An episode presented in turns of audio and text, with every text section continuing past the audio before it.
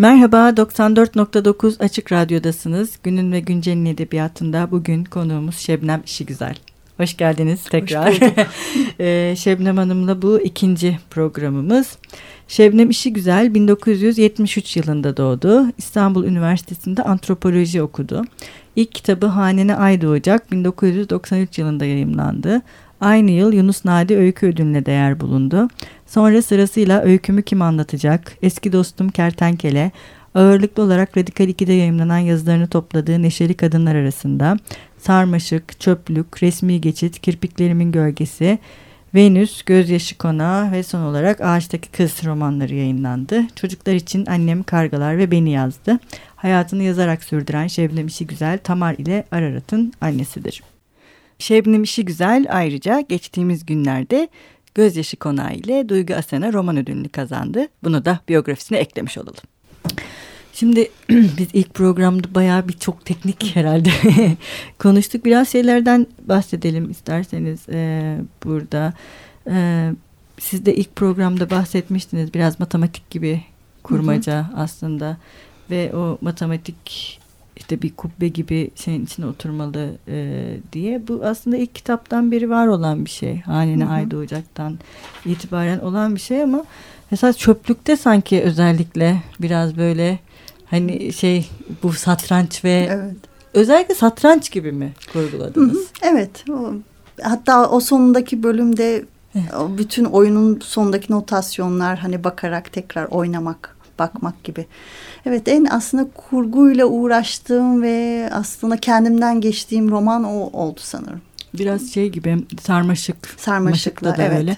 Biraz şimdi isterseniz ağaçtaki kızdan da bahsetmeye Hı -hı. başlayalım.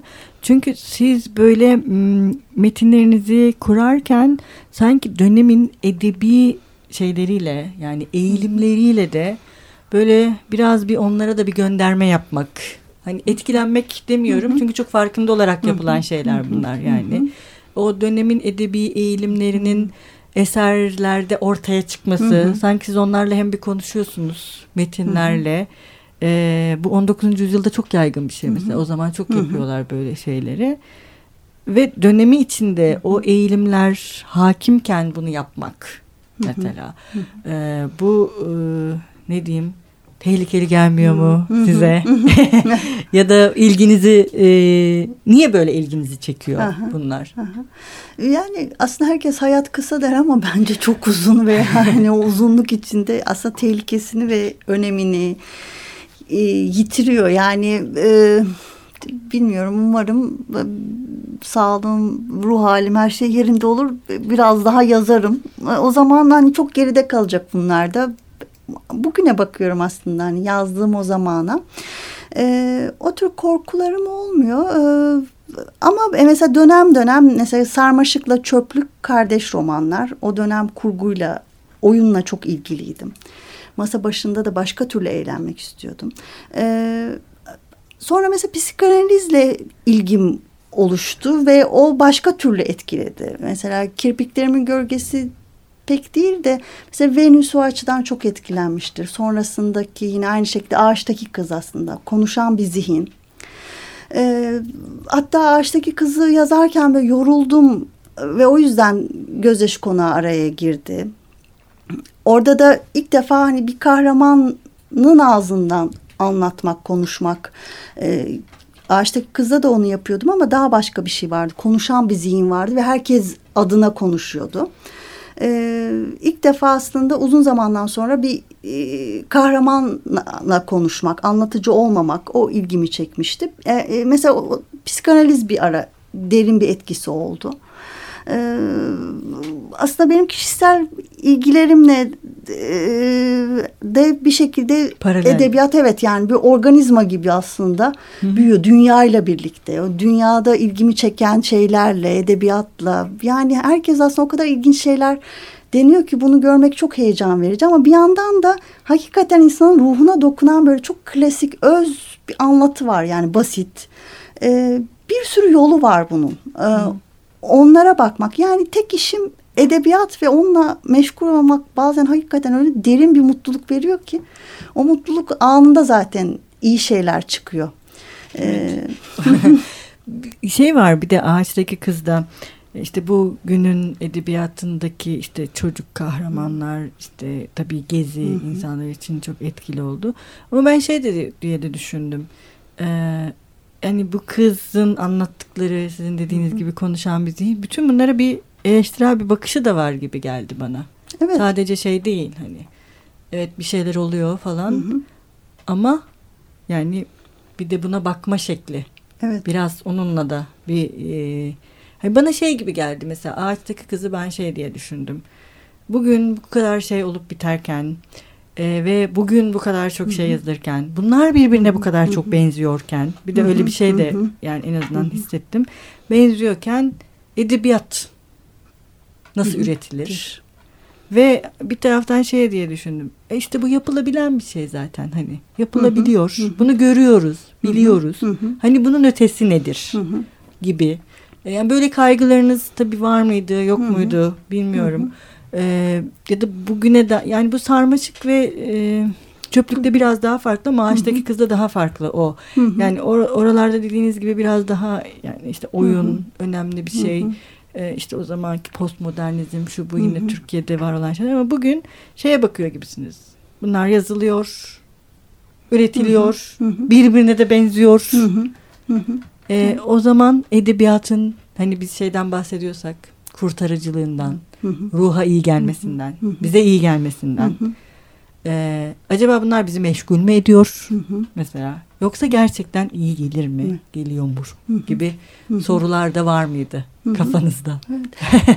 Evet. şey aslında e, Ağaçtaki Kız e, biraz da başkasının yazdığı bir roman gibi. Yani Gözyaşı Konağı'nda da e, onu denemek istedim. Hatta e, Çöpe Giden bir ön sözü vardı. Yani başkası yazmış. Ben bugün bir düzeltmeden geçirmişim. O dönem yazılmış.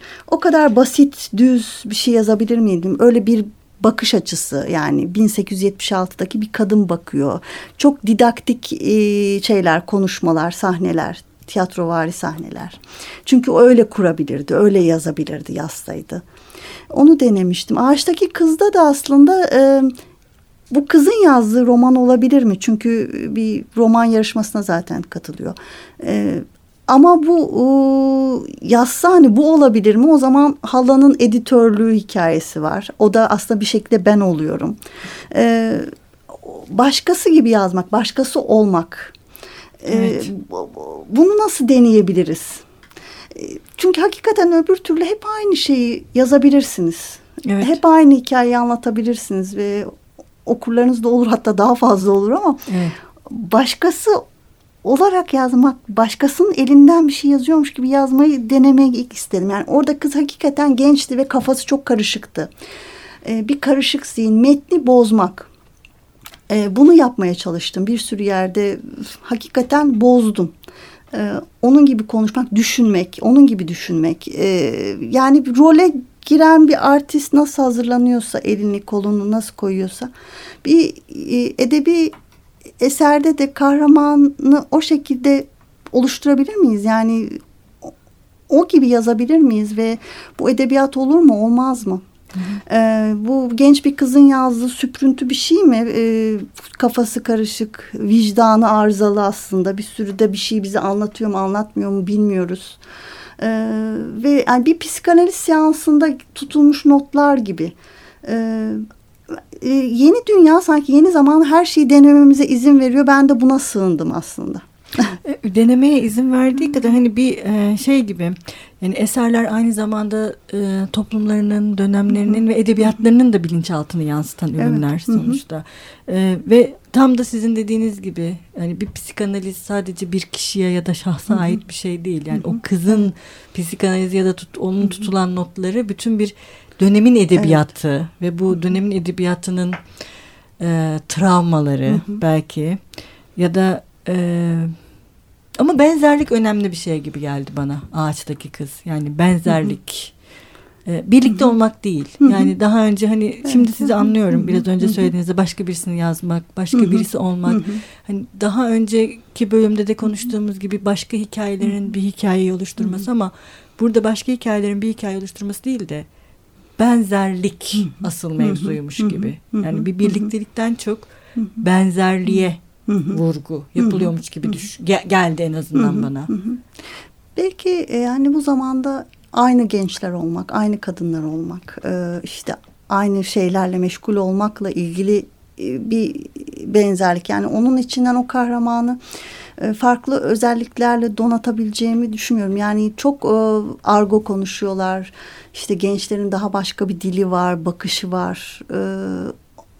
O yüzden hepsi aynı ve aynılık içinde yine aynı bir şey ama başka bir türlü içinde bir sürü kadını yaşattığı, duruma baktığı aslında bir şeyi nasıl yaratabilirdim hı hı.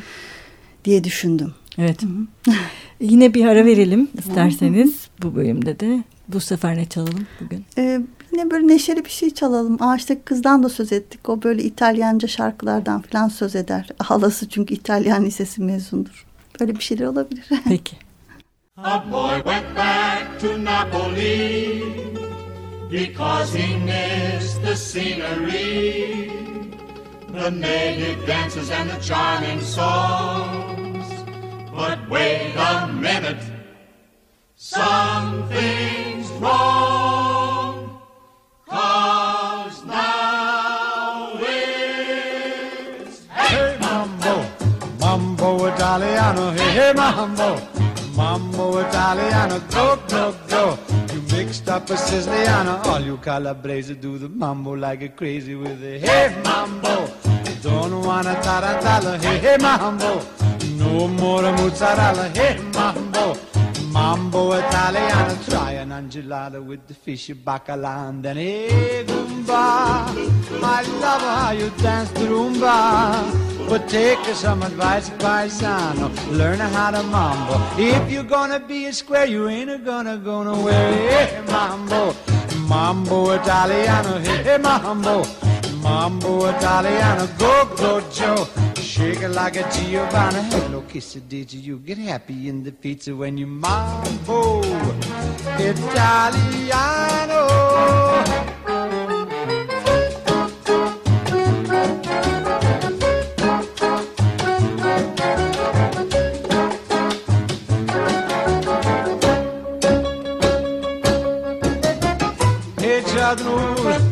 You don't have to go to the school. Choose to make it with a beat the bambino. It's like a bean. Kid, you good looking, but you don't know what you're cooking, do you? Hey, mambo, mambo Italiano. Hey, hey mambo, mambo Italiano. Ho, ho, ho. You mixed up a Siciliano. Hello, quesadilla. You get happy in the pizza when you mambo Italiano.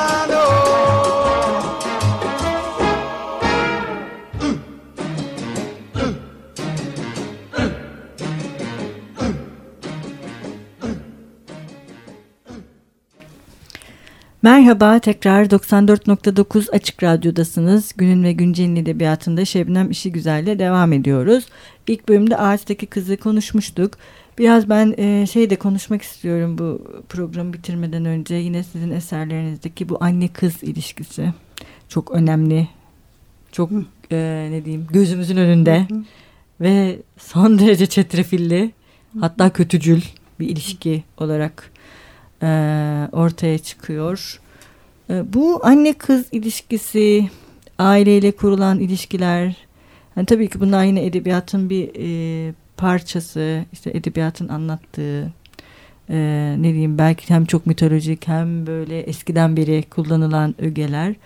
Fakat sizin anneleriniz ve kızlarınız hiç de öyle şey değiller. Bizim bildiğimiz anlamda e, sadece ne diyeyim bir e, kavga gürültü ya da beğenmeme beğenme ya da annelerin her şeye müdahil olması. Hatta bazen burada işte şey de var hiçbir müdahil olmama durumu da var. Yani görmemek çocuğu ısrarla başına gelenleri gözlerini kapatmak çocuğun kendisini ısrarla göstermek istemesi buna rağmen gözünü kapatmak.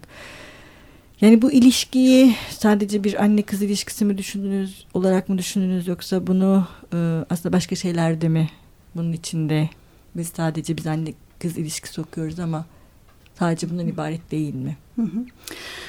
E, yani e, anne kız ilişkisi böyle bir sürü her aslında bütün dünyayı, toplumu, devleti, sistemi her şeyi kucaklıyor. E, ve hatta size yer kalmıyor bile o kucakta. E, o yüzden bana çok böyle zor, çetrefil e, bir şey gibi geliyor ki öyle ve hani onu anlatınca aslında bütün dünyayı anlatıyorsunuz, düzeni anlatıyorsunuz gibi geliyor. E, o açıdan ilgimi çekiyor. Ee, bir de hakikaten çok dayatılan bir şey böyle annelik. Ee, bir de Evet. bu bunu böyle çok süslemek, kutsal annelik, şahane bir şey. Ee, Bu çok e, onaylamadığım bir şey. İnsan anne olmak istemeyebilir, zorla anne olmuş. Yani hakikaten o derin sevgiyi hissedemeyebilir ve bunun suçluluğu altında ezilmek yani başka türlü bir azap Evet. e, olmalı ve bu bütün bunlara bakmak e, ilgimi çekiyor. Her şeyin yani nüvesi özü orada.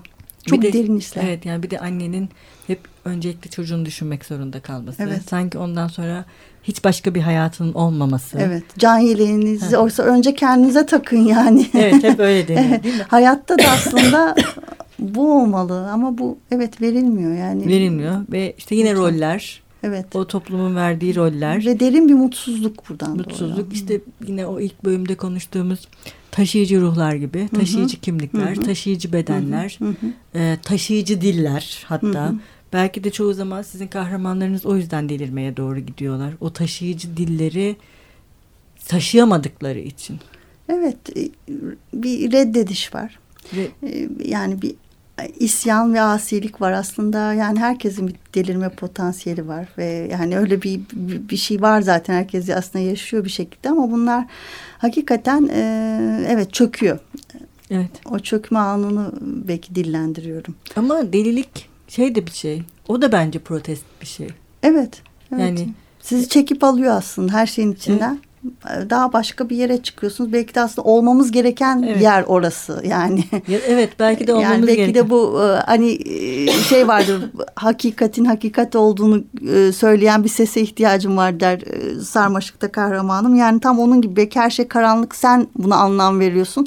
Hani delilik de öyle bir şey yani. e, Sen bunu üretiyorsun. sen şey yapıyorsun Hı hı. gibi. Biraz yine isterseniz şu kurmaca ile e, bit- bitirelim. E, şeyde de e, mesela kirpiklerimin gölgesinde işte bu kızın başına gelenler işte orman ve kötülük arasında kurulan ilişki orada biraz işte masallar onlara dair işte o kolektif hafızanın bir ürününün e, ters yüz edilmesi sonra işte e, burada e, yine kendi eserinize gönderme yapıp hanene ay doğacak Hı hı. bunun okunması yani bu ters yüz edilmenin e, bir şeyle de birleşmesi E, sizin o hani hep bahsediyoruz ya kolektif hafızaya Hı hı.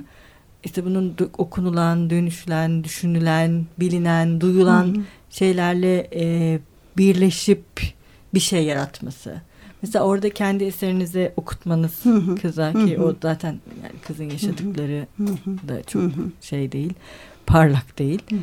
E, bunu mesela özellikle herhalde kurguladınız. Evet, evet.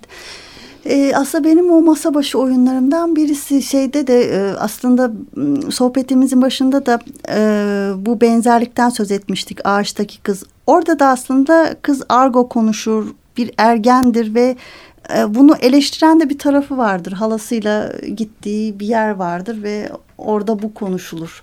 E, yani o ergen edebiyatı büyütmüyor ve onu okuyan da sadece onu okuyarak yoluna devam ediyor. Yani kitap okuyorum diyor sadece o koldan devam ediyor. E, beslemiyor. Bunun gibi yani o, benzerlik içinde başka bir şey. Bu kızda da yaralı ama hep yazanı hani yazanın kendi hikayesi olarak görülür ve bu yani okurun en masum şeyidir alanıdır. Bazen ben bile saf okur olarak onu düşündüğüm olur sevdiğim kitaplarda yazar başından geçenleri anlatmış. Ama oradaki o iyi niyetli okura aslında küçük bir oyunumdu. E, Bir de e, yani ağaçtaki kızın halasından da bahsettik. Bir de Venüs'teki kızın da bir halası var. Ha, evet, Böyle. benim de bir halam var. E, ve e, bu hala da son derece zaten Venüs en iyimser eseriniz olarak değerlendirildi değil mi? Bütün diğer eserlerinize Evet, e, evet. oranla en iyimser eseriniz olarak değerlendirildi ki o kadar şeyle birlikte başlamasına rağmen. evet bir de o sandal sahnesi, o çocuklar kuyu sahnesine rağmen. E, ve yani mesela bu halalar ve güçlü kadınlar hem Venüs'te hem de e, ağaçtaki kızda onları son derece e, ne diyeyim e, çok güzel kahramanlar. Hı. Çok güzeller. Hı hı. Hani ne, ne, nasıl denir? İnsan öyle bir halası olsun evet. istiyor. Teyzesi yani, olsun. Yani sadece şey gibi değil. Güçlü ve e, değil başka bir şeyleri de var. Böyle evet. bir e, halden anlıyorlar. Halden anlama halleri de var. Evet. Kadınlık var aslında. Yani evet. kadının özü var. Evet. Maalesef programımızın sonuna geldik. Çok teşekkür ederiz. Ben teşekkür Burada ederim. iki haftadır bizimle birliktesiniz. Haftaya görüşmek üzere. Ne yapıyorsun Bedriye dedim. Pek şaşkın çıkmıştı sesim. Seni öldüreceğim küçük hanım. Kafamı oracıkta taşla ezip canımı alacağına inanamıyordum. O da bunu yapabileceğine inanıyor olsa gerek ben sormadan söyledi. Hava almaya çıktık diyeceğim. Kaçtı gitti önüm sıra. Aradım taradım bakındım bağırdım seslendim bulamadım diyeceğim. Eve dönüp bekleyeceğim. Gece siz gelmeyince evdekilere haber edecektim. Onlar da inzibata. Beni sorgu sual ettiklerinde şu söylediklerimi anlatacağım. Sizi gözden kaybettiğim yeri göstereceğim onlara. Parmağımla bilinmeyen bir ufku. Onlar da bulamayacaklar sizi. Çünkü deniz çoktan çekip götürmüş olacak ölünüzü. Kim bilir nereden çıkacaksınız bir daha. Bedriye'nin gözlerinde o güne kadar görmediğim bir pırıltı vardı. Beni öldüreceğine dair inancı vardı. Öyle olmasa korkuluk gibi karşımızda dikilen dalyanın içerisinde birisinin olma ihtimalinden şüphe ederdi. Etmemişti ya da hisleri kılıç gibi keskinleşmişti. Burnu hayvan gibi iyi koku alır olmuş, gözü kararmıştı. Beni öldürebileceğinden emin olmuştu, korktum. Daha önce hiç o kadar korkmamıştım, ölümden korkmamıştım. Kendimi yakarken bile korkmamıştım ama şimdi korkuyordum. Öleceğine inanan ve ölümden korkan bir zavallı olarak bunu yapamazsın dedim. Çenem titriyordu, dudaklarım. Demek ölüm korkusu ilkin bir titreme veriyormuş vücuda. Kendimi sakınmak istercesine gerisin geriye bir adım attım. Dengemi bulamadım, suya düştüm. Elime bir taş geçirip fırlatmayı akıl edemedim. Ben kimsenin canını yakamam. Ne dil yarası açabilirim bir insanda, ne gönül yarası. Kötü herkesi kötü sanır. Bedriye elinde tuttuğu taşı yükseltti. Dişlerini sıktığını gördüm. Teslim olmuş gibi ellerimi kaldırdım. Katilimin gözlerine bakıyordum şimdi. Ölmek zor. Bu dünyayı bırakmak güç. Hayat güzel. Güneş sıcak. Deniz billur gibi. O bile başlı başına bir mutluluk. Hepsini bırakıp gidecektim işte. Öldür beni dedim ona.